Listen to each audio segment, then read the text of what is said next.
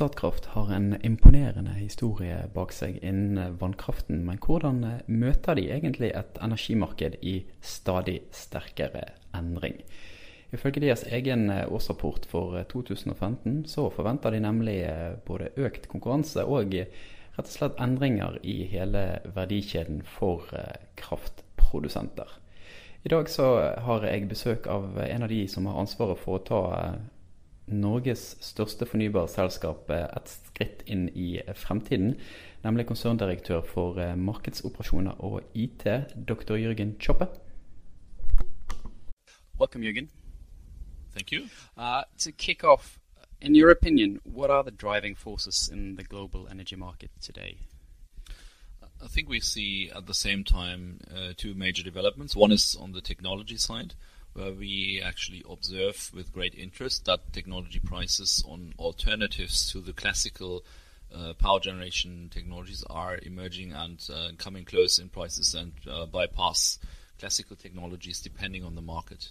That's a technology perspective. Uh, there is another perspective, which is actually the perspective of the customers, and they have increasingly options to choose, and, they, uh, and that is actually building and, and developing their opinions about how energy should be produced and used. Uh, and they will increasingly become an active participant in the market. And that is an, uh, almost a, a bottom-up revolution that we see. Mm. Uh, building on that perspective, uh, uh, I get the impression that you put the co consumer or customer at the center of, of attention for much of your uh, ongoing development. Is that a, also a realization that with the changes and disruption, disruption you mentioned, that traditional utilities no longer can take their customers for granted. They have other alternatives. Yeah, uh, again, uh, many different cases here. There will, of course, also in the long run be a lot of customers that have a uh, strong cost perspective on things and want to have cheap power to their home or to their facility. Uh, and that will be a major part of the market, no doubt. But there will be uh, others who simply start developing their own ideas and uh, they will suddenly behave differently, and that is very difficult, I think, to capture if you're just following the classical retail or any other type of classical customer approach. Mm. And then, thirdly, there will be those uh, uh, that were on the uh, on the list of uh, utilities as future customers, and they may may never be because they are choosing alternative ways. They may never connect and then there, there are large parts of populations in, in many countries which have no electricity today. They will have electricity in the future, but there is no utility involved. Uh, how can uh, Statkraft, as a major power producer, exploit these changes that you just described uh, commercially? Yeah, this is very interesting. Uh, um, our classical model here, which is uh, producing power and selling it, um, uh, is a model that will continue to be very, very important for us. But we are plugging in additional elements here. Uh, and one of the major elements that we are currently spending a lot of uh, effort on is actually to provide what we call market access for all sorts of new participants into the electricity market. That could be simply distributed generation facilities, and that could also be uh, other active elements, batteries, people who simply want to navigate their smart home or things like that. And uh, that is a new uh, area of activity where we are going in with, depending on the country, small to big steps.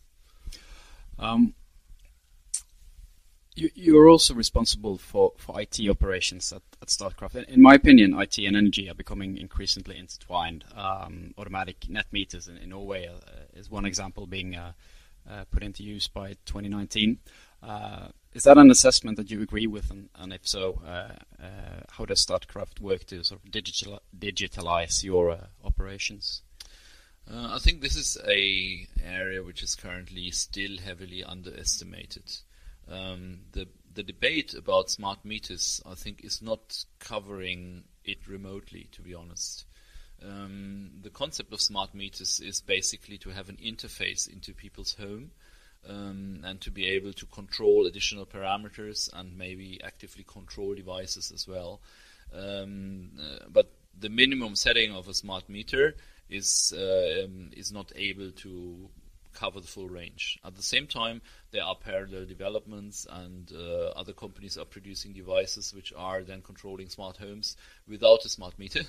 Uh, so uh, the smart meter is not really the, the, the main element for me. if you look at the possibilities that uh, the digitalized environment is providing, uh, this has several elements uh, from online data to uh, new data which is provi- provided by sensors, the so-called Internet of Things, uh, uh, new algorithms, artificial intelligence, and the whole range of possibilities that the cloud is providing. so I think this is revolutionizing and turning the way energy is being uh, managed uh, bottom up, not necessarily at the end customer's uh, site, at least not um, as far as we are involved, but we are revolutionizing our own way of working. Uh, and, and make use of uh, what is often referred to as big data, but you won't see it as an end customer from day one on. Um, a, a, few months ago, uh, opened the first battery storage facility in, in Niedersachsen in, in Germany.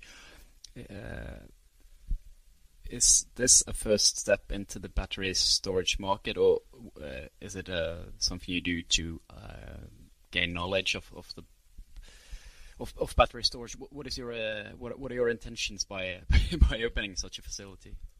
Yeah, um, what we are currently doing, and that battery is one of uh, several activities here, is to set out satellites and see uh, how, what they do to the market and whether this is scalable technology. Um, this battery that we have set out, uh, I'm quite happy to say that I'm optimistic it will actually be paid back. Uh, it is uh, predominantly targeting a very specific reserve market that we have in Central Europe. Um, and uh, there, I think this will simply be a profitable investment. Um, it may, however, turn out to be more of a learning effect than a real profitable investment uh, because uh, this technology is also progressing very fast. I think batteries are a scalable technology. Uh, whether scale will go into utility scale or more distributed, perhaps even people's home applications, that remains yet to be seen and we will for sure participate in that, but not necessarily with utility scale investments. Uh, you mentioned that you already give people access to, to energy markets. Could you explain how does, in, in, in, a bit more detail, how does that actually work in, in, in practice? I can give you some examples here. Um, uh, one business line that we are following in Germany at the moment uh, is uh, helping customers that own generation, but then it's wind generation, solar generation, biomass of smaller scale. Um, and they have a need to participate in the market due to regulation. And here they don't want to build up, of course, their own trading floor or uh, similar activities, but they need agents in between, and we are helping them to do that. And uh, this is a big market, and it's uh, a lot of competition out there, and we are uh, one of several, but I think fairly successful at this moment uh, to basically provide the best offer to these people. What, what is counting for uh, for such uh, services is ba basically the total package, including being a credible partner, uh, being stable, being available in the long run, uh, because these investments are investments for 15, 20 years, and the financing banks would like to see somebody who is around also tomorrow. Mm. Um, uh, you mentioned solar as an example. Last year, I, I interview, interviewed you about Statkraft looking into um, solar energy. At the time, you, you chosen two different strategies to, to increase uh, your activity, um, either to build and sell solar plants but remain in the role as an operator, or install uh, panels on commercial buildings and sign uh, power purchase agreements with the owner of, of the building. Uh, a few months after that interview, you um, established a, a, joint venture in, in India using more or less the, the second model I described. Uh, what is Statkraft doing uh, within solar at the moment? What, what are your plans going forward? Now we are still following these two main tracks, uh, plus a third one. Uh, uh which, which indeed, is uh, where the third one would be more going towards uh, utility scale investments. And here we are, we are having a project in, in Brazil that combines wind and solar, and we are considering such an investment. And we think generally that in such countries it could be attractive for us to broaden the, the technology uh, spectrum a bit. Um, uh, but the main uh, other activities really go into these directions that you mentioned before, and we are moving ahead. It's not going as fast as it possibly could be, but uh, we are quite uh, proud to have done the first investment in India, of course, uh, close to contract there of, uh, of some size, and we are now investing into the corresponding facilities. And we have a lot more in the pipeline, but it doesn't materialize, of course, all within a day. So mm. this is one thing, and we are, we're doing the same in other countries. Um, we had to stop it also in, in some regions, like for the UK. In the UK, for instance, uh, it turned out to be um, uh, hit by a regulatory change that makes this model unfeasible, and then obviously we will not c- carry on. Uh, we are looking at new markets uh, at the same time. Uh, is, is, it possible to give a bit more details on the, the project in Brazil when you have a, um, a final in, um, investment decision or, or, more details about the size of the of the uh, utility scale project? Yeah, this is not huge. It, um, um, it is an um, addition to an existing wind farm in right. a way. Um, and uh, I can't give you details at this moment because we have not uh, simply decided for ourselves at what time we will be able to take such an investment. But at least you're considering it. We are considering yeah. it absolutely. Uh, last year, uh, you launched a, a, venture capital unit uh, who looks to invest in, in what, at least what the website describes as outstanding entrepreneurs looking to disrupt energy markets. What has come out of the, the venture uh, division so far? Um, uh, we are following here a business plan that has a perspective in the order of 10 years. So um, uh, within that period, we should more or less halfway uh, have a break-even point in terms of uh, payback, and, and uh, that comes from divestments again. In this moment, we are in the build-up phase. We have done a, a, major investment last year in a company called Tado. They're in the smart home uh, uh, domain, um, and something a bit like the American Nest company, perhaps. Uh, we think with uh, clearly better technology. um, and we are uh, at this moment very close to the next transaction in this portfolio. Uh, it's a very exciting activity, uh, not just for the deals that we are closing, but also for the totality of opportunities that we get on the table. Uh, and we are um, screening, seriously screening, several hundred opportunities every year. Uh, which means this provides a great overview of what is actually happening in the energy domain. And we have a very active internal discussion about this as well, to, uh, in order to understand what is happening and take it in also as a learning aspect. Mm.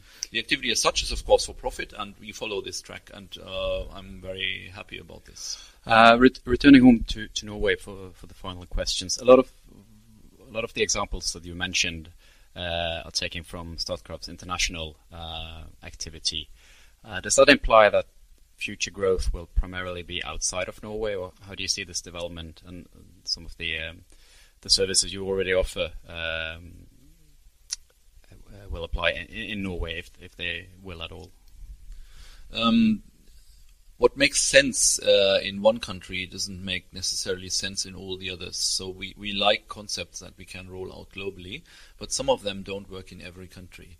And it's the same for Norway. What makes a lot of sense for Norway and what we're currently following up are uh, concepts in the domain of uh, biofuels, in the domain of bio uh, wood chips, for instance, that we are uh, buying and producing here in Norway, and then uh, selling to facilities, for instance, that burn them in uh, in old coal generators, converting them to renewable.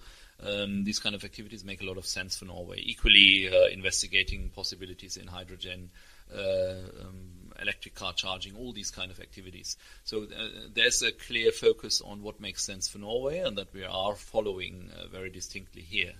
We also do things in Norway that we do elsewhere. For instance, uh, the whole market access activities.